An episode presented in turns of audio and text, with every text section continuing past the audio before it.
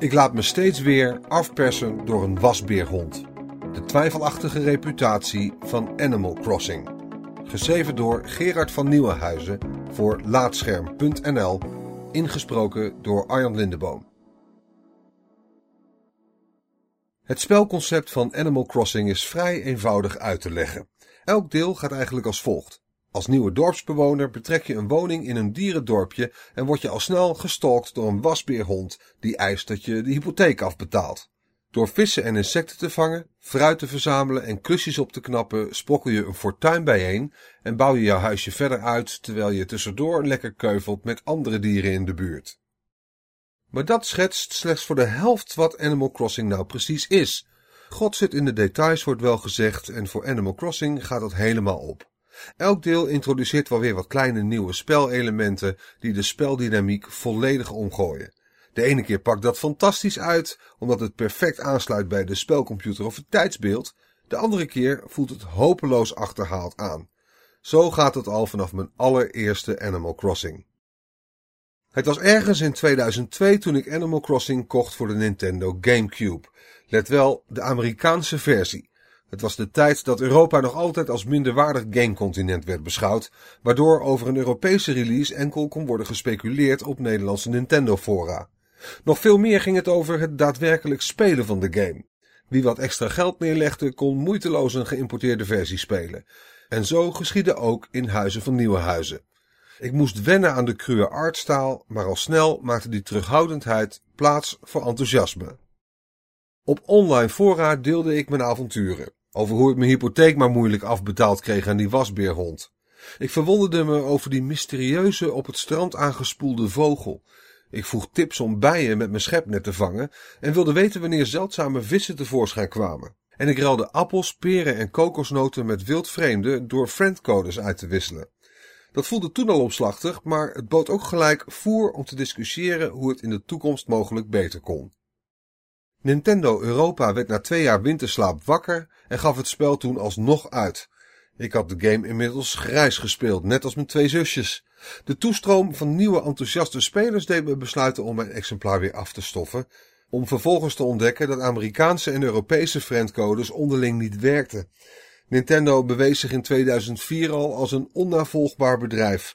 De game was nog exact hetzelfde, maar de interesse van grote Animal Crossing fans, waaronder ik zelf, was al verdwenen.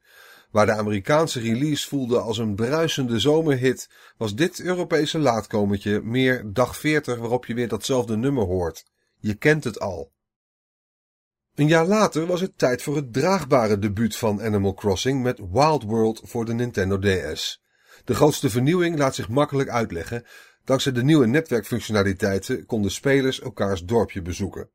Urenlang was ik met mijn zusjes bezig met vlinders vangen, elkaars bomen omzagen of verstoppertje spelen. En we zagen hoe dorpelingen tussen onze dorpjes verhuisden. Wauw, onze kleine virtuele wereldjes waren echt aan elkaar verbonden.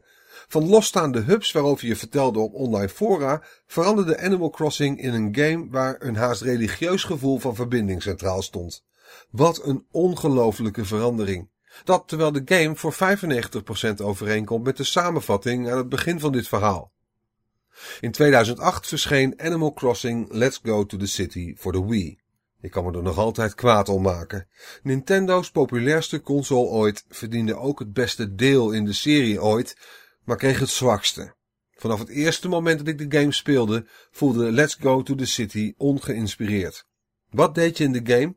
Nou, als nieuwe dorpsbewoner betrek je een woning in een dierendorpje en word je al snel gestalkt door een wasbeerhond die eist dat je de hypotheek afbetaalt.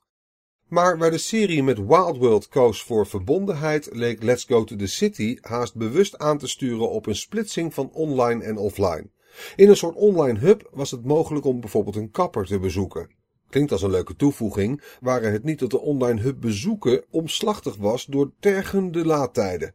Het gevolg was dat je eigen dorpje voelde als de luchtplaats van een gevangenis, verstoken van echt plezier. En het friendcode-systeem voelde anno 2008 nog anachronistischer. Animal Crossing was geen verbonden community meer, maar eenzame opsluiting. New Leaf voor de Nintendo 3DS uit 2012 was dan weer de perfecte evolutie van Wild World. De online functionaliteiten waren verder uitgebouwd, je kon op ieder moment een tropisch eiland bezoeken en in het dorpje viel veel meer dan ooit te doen. Zoals de kapperszaak uit Let's Go to the City naar je dorp verhuisd. Daarnaast had je voor het eerst een nieuwe rol. In Wild World ben je de burgemeester die beslist waar een nieuwe brug, wensput of lantaarnpaal geplaatst moet worden. De basis is uiteraard nog bijna precies hetzelfde. Als nieuwe dorpsbewoner betrek je een woning in een dierendorpje en word je al snel gestokt door een wasbeerhond die eist dat je de hypotheek afbetaalt. Alleen, dat is dus niet wat Animal Crossing is. Toen eerder dit jaar bekend werd dat er een mobiele game van Animal Crossing komt, was het enthousiasme overweldigend. Het overtrof zelfs het rumoer dat ik meemaakte op al die Nintendo fora zo'n 15 jaar geleden. Ik zelf kijk er niet meer naar uit. Simpelweg omdat ik geen idee heb hoe de mobiele Animal Crossing gaat uitpakken. Als nieuwe dorpsbewoner betrek je een woning in een dierendorpje en word je al snel gestalkt door een wasbeerhond die eist dat je de hypotheek afbetaalt. Maar of dat nou zo leuk is? Dankjewel voor het luisteren naar Laatscherm voorgelezen. Als je waardeert wat we hier doen, dan zouden we het leuk vinden als je even een sterrenrating en een recensie achterlaat op Apple Podcasts of de podcastservice van jouw keuze. Abonneer je ook op onze andere podcast, Praatscherm. En ga voor deze en meer verhalen, geschreven of gesproken, naar laatscherm.nl.